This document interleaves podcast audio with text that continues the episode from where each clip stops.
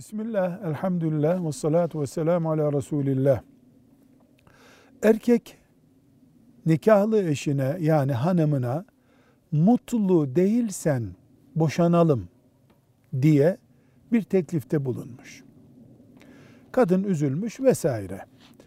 Mutlu değilsen boşanalım sözü bir boşanma sayılır mı dinen elbette. Cevap olarak diyoruz ki boşanma kesinlik ifade eden sözle ve geçmiş zaman sözüyle gerçekleşebilir. Yani seni boşadım dediği zaman gerçekleşir. Boşanalım sözü bir tartışma ve bir sorudur. Boşama emri değildir.